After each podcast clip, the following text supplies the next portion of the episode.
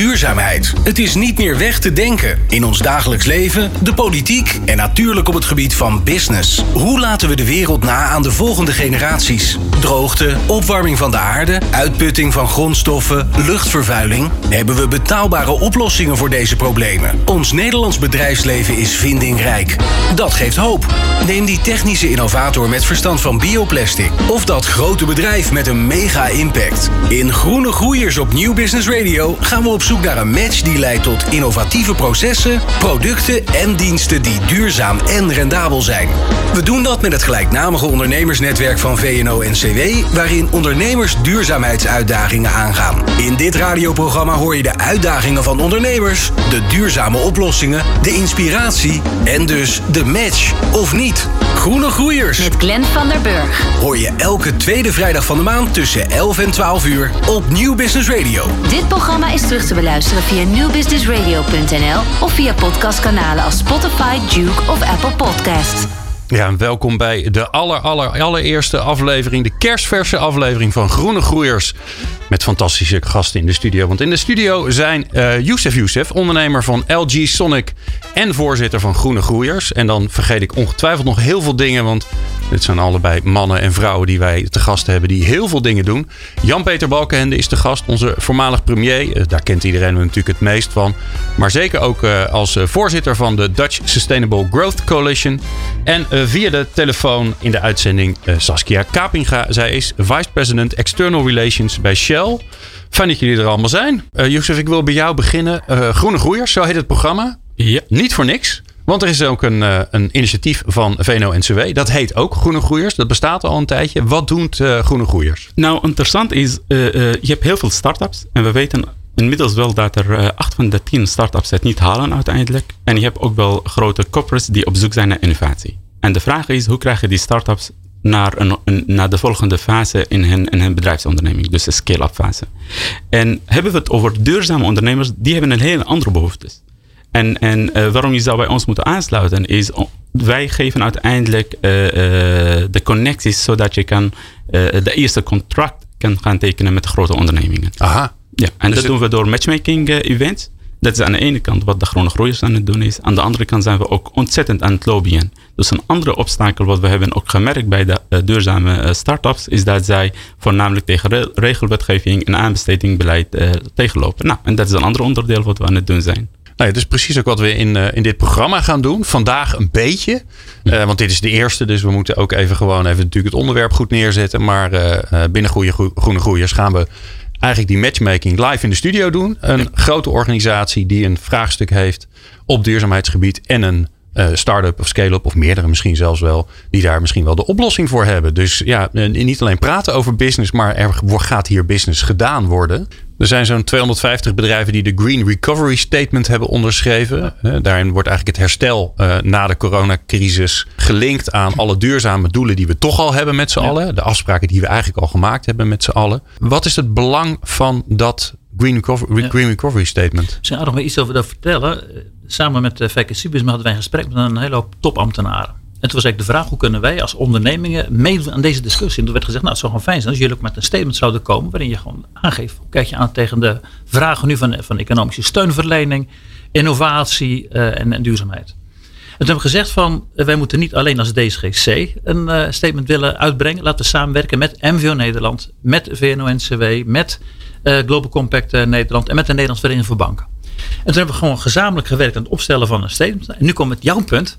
Toen dachten we, laten we niet alleen met deze organisaties een statement naar voren brengen. Nee, maar dat zijn we maar, een beetje gewend ook. Ja, hè? En toen, kijk, de boodschap was eigenlijk wel helder van, we, we zeggen op Europese schaal, je moet de verbinding leggen tussen de Green Deal en je steunmaatregelen. Bij de steunmaatregelen moet je de Sustainable Development Goals van de Verenigde Naties en klimaatafspraken tot richtsnoer nemen. En in Nederland hou vast aan het klimaatakkoord. Dat was een inhoudelijke boodschap.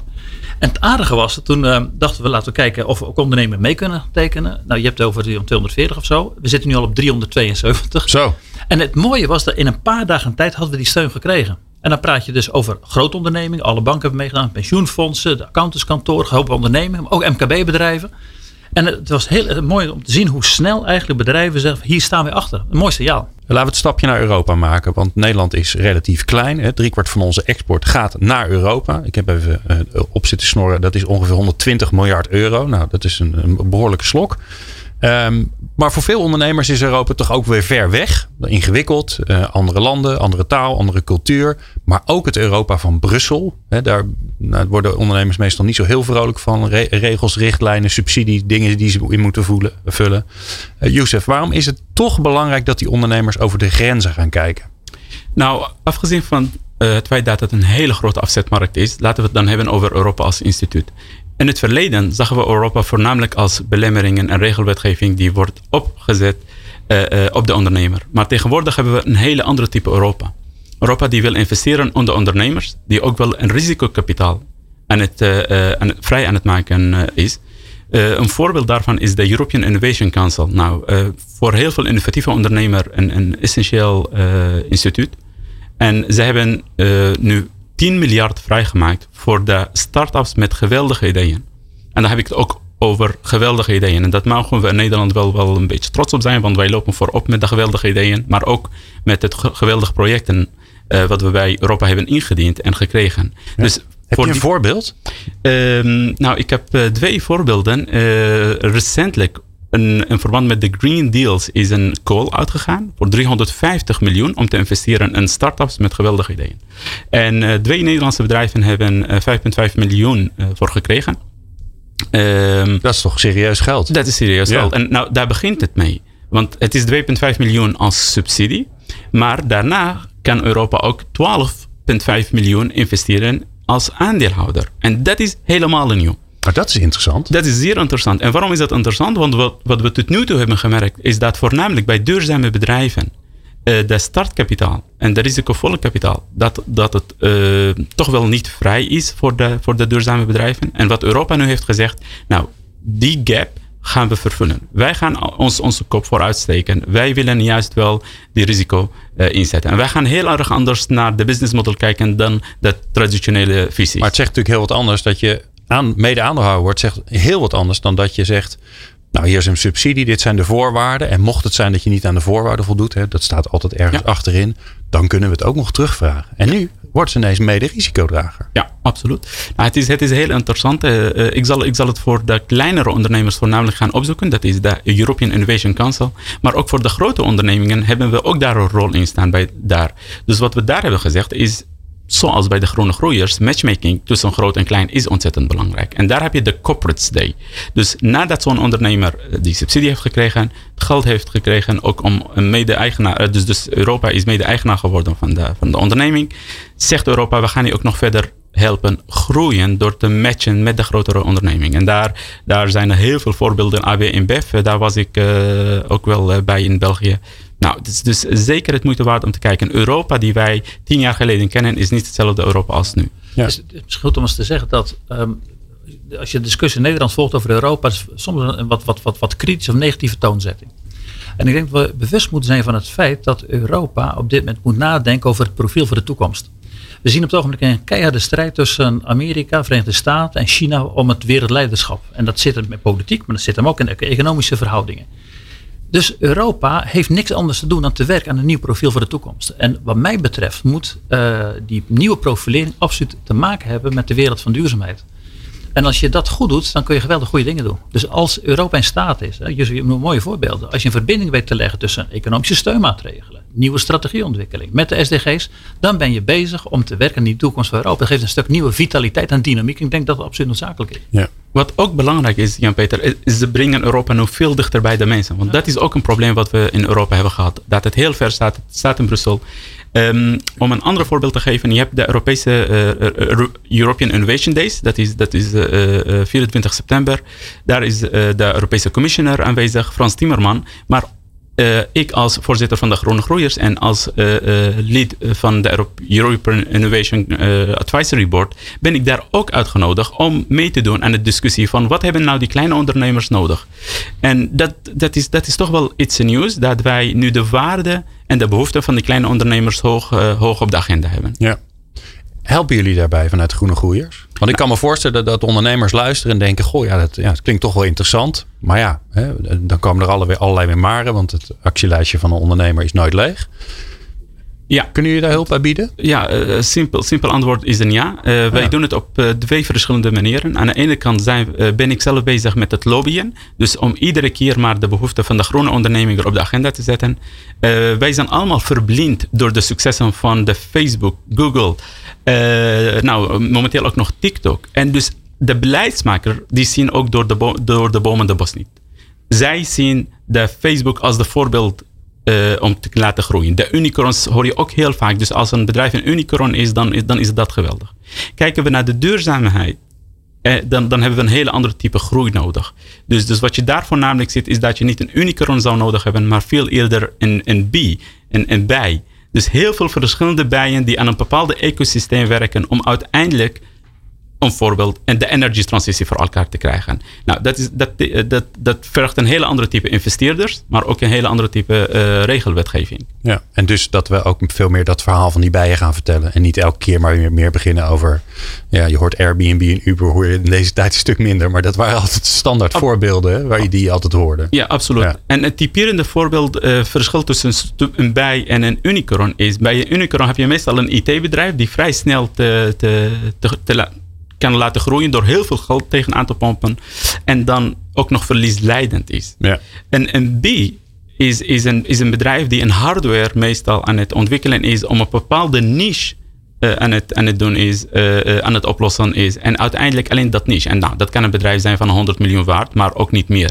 En dat kan een oplossing zijn, bijvoorbeeld voor Shell.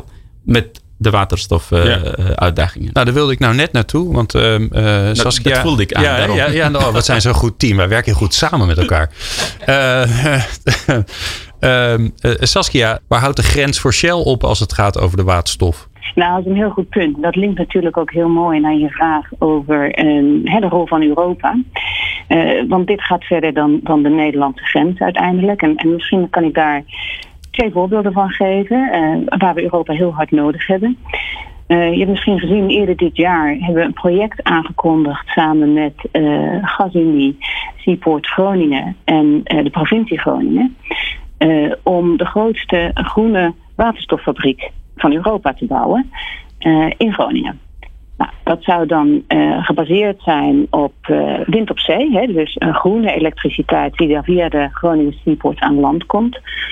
En um, als dat zo doorgaat, dan is dat een behoorlijk uh, nou, een grote fabriek die genoeg uh, energie zou kunnen leveren om 12,5 miljoen huishoudens van elektriciteit te voorzien. Dus dat is hartstikke mooi.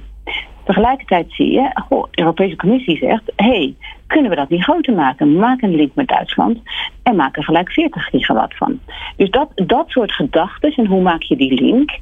En dan kom je precies op jouw vraag. Hè? Dus dan heb je bijvoorbeeld via een, een, een fabriek of via een haven een, een distributiepunt.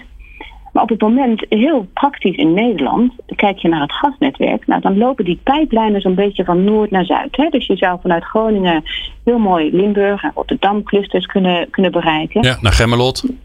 Naar Gemmelot, absoluut. Maar stel nu, en ook daar zijn we mee bezig met een waterstoffabriek in Rotterdam. Stel nu dat je daarmee uh, je achterland en Duitsland zou willen um, bevoorraden. Waar is die pijplijn? Ja. Wie neemt die beslissing en waar komt die infrastructuur vandaan? Dus daar heb je ook um, uh, internationale uh, visie op nodig. En zeker ook Europa. Dus ik denk dat dat een hele belangrijke is. Ja, en alle vrachtwagens uh, natuurlijk die vanaf, vooral vanaf Rotterdam uh, Europa inrijden. En als die op waterstof gaan rijden, ja, dan moeten ze ook onderweg nog eens een keer ergens. Een netwerk zijn. Ja. Absoluut. Absoluut. Ik wil een tweede punt nog even noemen, aansluitend op wat Youssef net zei. Uh, en de rol van ook de kleinere ondernemingen, de groene groeiers. Uh, het is misschien interessant, we hebben Europees, uh, hebben wij een New Energy Challenge noemen we dat, hebben we neergelegd. Dus een uitdaging, uh, in dit geval voor twee categorieën. Dus de eerste aan de ene kant start-ups en aan de andere kant scale-ups. Om te komen met slimme ideeën en, en dat kan businessmodellen op het gebied van waterstof of nieuwe mobiliteit of duurzame chemie. Um, daar doen elk jaar een groot aantal Europese bedrijven aan mee. Uh, en ook dit jaar zien we dat, met ook een aantal Nederlandse bedrijven. En daar helpen we dus eigenlijk ook bedrijven met echt een, een, een investering. Hè. Dus voor de, de, de, de start-up, de, de winnaar die daaruit komt, die krijgt een investering van 100.000 euro en de kans om hun concept verder uh, te testen. En voor de scale-up gaan we samenwerken aan een pilot. Hè. Uh, dus daar gaat Shell ook een, echt een pilot samen mee implementeren. Ja, daar worden jullie klant. Dat soort dingen. Ja, nou, dat hangt een beetje af van het concept. Maar we gaan in ieder geval de pilot doen. Um, maar ook daar denk ik dat, uh, behalve, hè, we kijken soms vaak naar de overheid, dat ook bedrijven daar een rol kunnen spelen en ook wel moeten spelen um, om, om die rol te pakken. En dat kan financieel, dat kan via mentoring, dat kan via coaching. We werken daar ook samen met Rockstart in Delft, hè, de incubators, uh, om ook daar de groene groeiers een duwtje in de rug te geven. Ik, ik denk goed om te onderstrepen dat het besef van de noodzaak van duurzaamheid neemt absoluut toe we hebben heel op goede verhalen, maar uiteindelijk gaat het echt om de vraag: wat doen we met elkaar? Wat bereiken we? En ik merk nu steeds meer dat er wordt gesproken.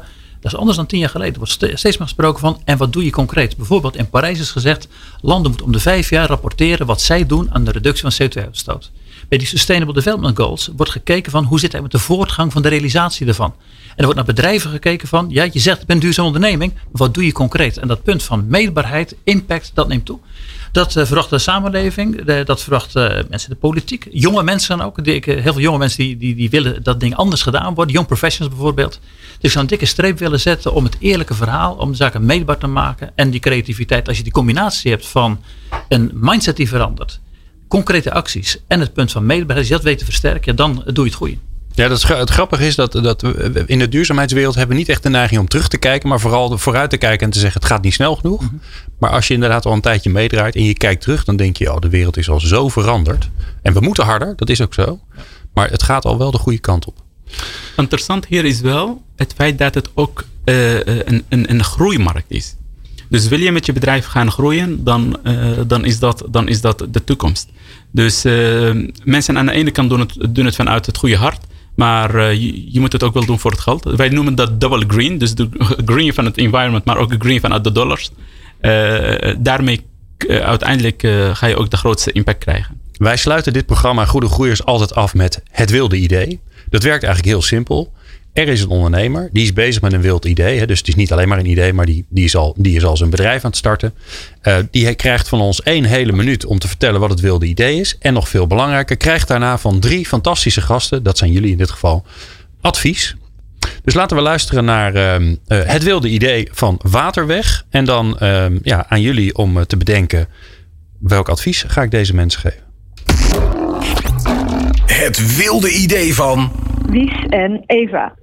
Bij Waterweg zijn wij namelijk bezig met het ontwikkelen van een innovatief bouwmateriaal van baggerspecie. Bagger, je kent dat waarschijnlijk wel. Het is een vieze, modderige stroom uit rivieren en kanalen. En dat wordt nu eigenlijk alleen maar laagwaardig toegepast. Super zonde vinden wij, want er gaat wel veel van ons belastinggeld naartoe. En veel CO2 wordt er uitgestoten. Dus wij dachten, waarom kunnen we dat nou juist niet hoogwaardig toepassen? En dat doen we door het uit te harden in een waterpasserende tegel. Zo verlang je eigenlijk twee vliegen in één klap. Namelijk, we zorgen dat we de vraag naar een duurzaam bouwmateriaal beantwoorden. En we zorgen dat er een klimaatadaptieve oplossing voor de stad bestaat. Op die manier proberen we dus eigenlijk het lelijke bagger weer sexy te maken. Nou, bagger sexy maken. Nou, dit kan me er, kan er heel veel dingen voorstellen. Maar mooi hè? Ja, echte duurzame ondernemer. Twee per twee vliegen in één klap. En je ruimt bagger op wat je normaal uh, denkt, wat moeten we er eigenlijk mee? En je zorgt ervoor dat er een tegel komt die water doorlaat, zodat je tegels in je tuin of in de stad zou kunnen hebben, waarbij het water weer de grond in gaat, in plaats van ja. dat het het riool ja. ingaat. Laat ik beginnen bij Jan-Peter. Het advies. Nou, ik, ik vind het een heel interessant idee en een belangrijk idee. Ik herinner bijvoorbeeld heel praktisch uh, dat er nogal wat discussies waren van dat heel veel mensen in Nederland die zijn hun tuin aan het heraanleggen en dan gaan er heel veel tegels komen en dan, het water loopt dan niet, niet, niet goed door. Dit is eigenlijk een antwoord op dat fenomeen van wat gebeurt er met die tuinen. Dat is eigenlijk het eerste. Dan is het tweede. Is ik dus denk dat, intratuin? Bijvoorbeeld, ja? zeker. Kijk, Ken je daar nog iemand? ja, gelijk boter bij de vis. Nou, je hebt, je hebt een aantal, ik, ik, heb zelf met intratuin als klant wel te maken, maar niet uh, direct en functioneel. Maar het is, jouw suggestie is heel erg goed.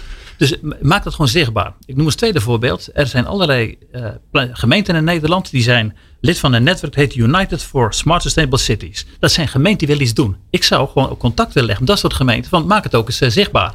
Okay. En derde punt, ik zou absoluut kiezen voor de publiciteit. Want er was aandacht voor wat ik zo even noemde.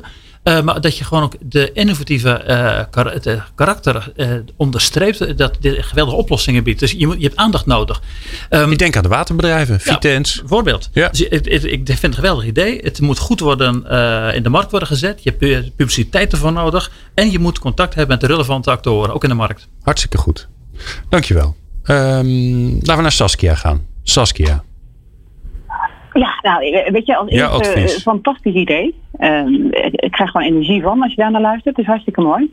Uh, een paar concrete ideeën. Nou, ja, bij het ook al. Hè. Dus het is belangrijk om te kijken waar die opdrachtgevers uh, zitten. Gemeentes, ik denk Rijkswaterstaat, andere lokale partijen.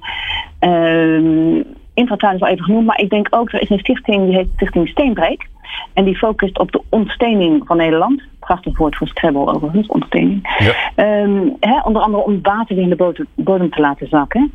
Um, voorzitter is Wout Veldstra. Ik ken Wout zelf niet persoonlijk, maar uh, ik denk dat daar wel contact mee op te nemen is. Um, en de campus van Shell, die moet ook volgelegd worden natuurlijk. Nou, er is wel één ding waar ik uh, wel geïnteresseerd in ben. We zijn bezig in Amsterdam met ons grote, uh, we hebben een van onze wereldwijde innovatiecentra staan. En dan zijn we bezig om een stadspark aan te leggen voor de omgeving. En groen is natuurlijk hartstikke belangrijk. En ik denk dat deze tegels ook best interessant zouden kunnen zijn. Dus wat dat betreft is daar misschien wel een samenwerking uh, mogelijk. Nou, dus, zullen, we, zullen we Groene Groeiers vragen we om een lijntje te leggen? Dat gaat helemaal goed komen. Ze mag me prima bellen, absoluut. Okay, top.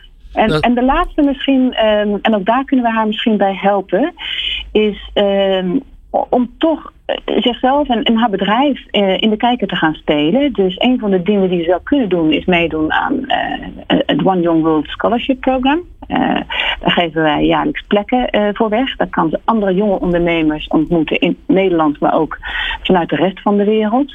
Uh, Youssef was voor, vorig jaar voor ons uh, uh, jurylid daarvoor. Dus uh, okay, mooie ja, daar ook weer. Drie jaar lang. Ja, ja. Maar dat is, jaar lang. Ja. dat is een mooi... Saskia, ik ga een beetje heuien, want ja, we moeten nog naar Youssef en we zijn bijna door de tijd heen. Dus dit was een prachtig bruggetje naar, je, naar Youssef. Jouw advies, Youssef, in één minuut. Ja, één woord, focus. Oh. Ja, als, als startende ondernemer heb je weinig geld en weinig tijd. En uh, wat je voornamelijk niet moet doen, is overal achter alle uh, opportunities rennen. Je moet uh, kies je klant kies je een iconisch project. Dus nou, zo'n project met Shell. We gaan zeker die, die, die lijnen leggen. Maar zo'n project, dat is prachtig. Zet al, al je energy in, in, in, in één of twee basket. En ga ervoor. En uiteindelijk inderdaad wat Jan-Peter zei, marketing. Dat kunnen we in Nederland nog veel, heel veel leren vanuit Amerika. Dus, dus laten we het uit de daken schreeuwen wat we aan het doen zijn. En trots zijn. dank Saskia Kapinga van Shell. Yusuf Youssef van Groene Groeiers en natuurlijk ook Jan-Peter Balken van de Dutch Sustainable Growth Coalition. Tot zover Groene Groeiers op Nieuw Business Radio. Wil jij jouw netwerk uitbreiden met ondernemers die duurzame uitdagingen aanpakken? Kijk dan voor meer informatie op groenegroeiers.nl. En sluit je aan. Groene Groeiers, het ondernemersnetwerk van VNO-NCW.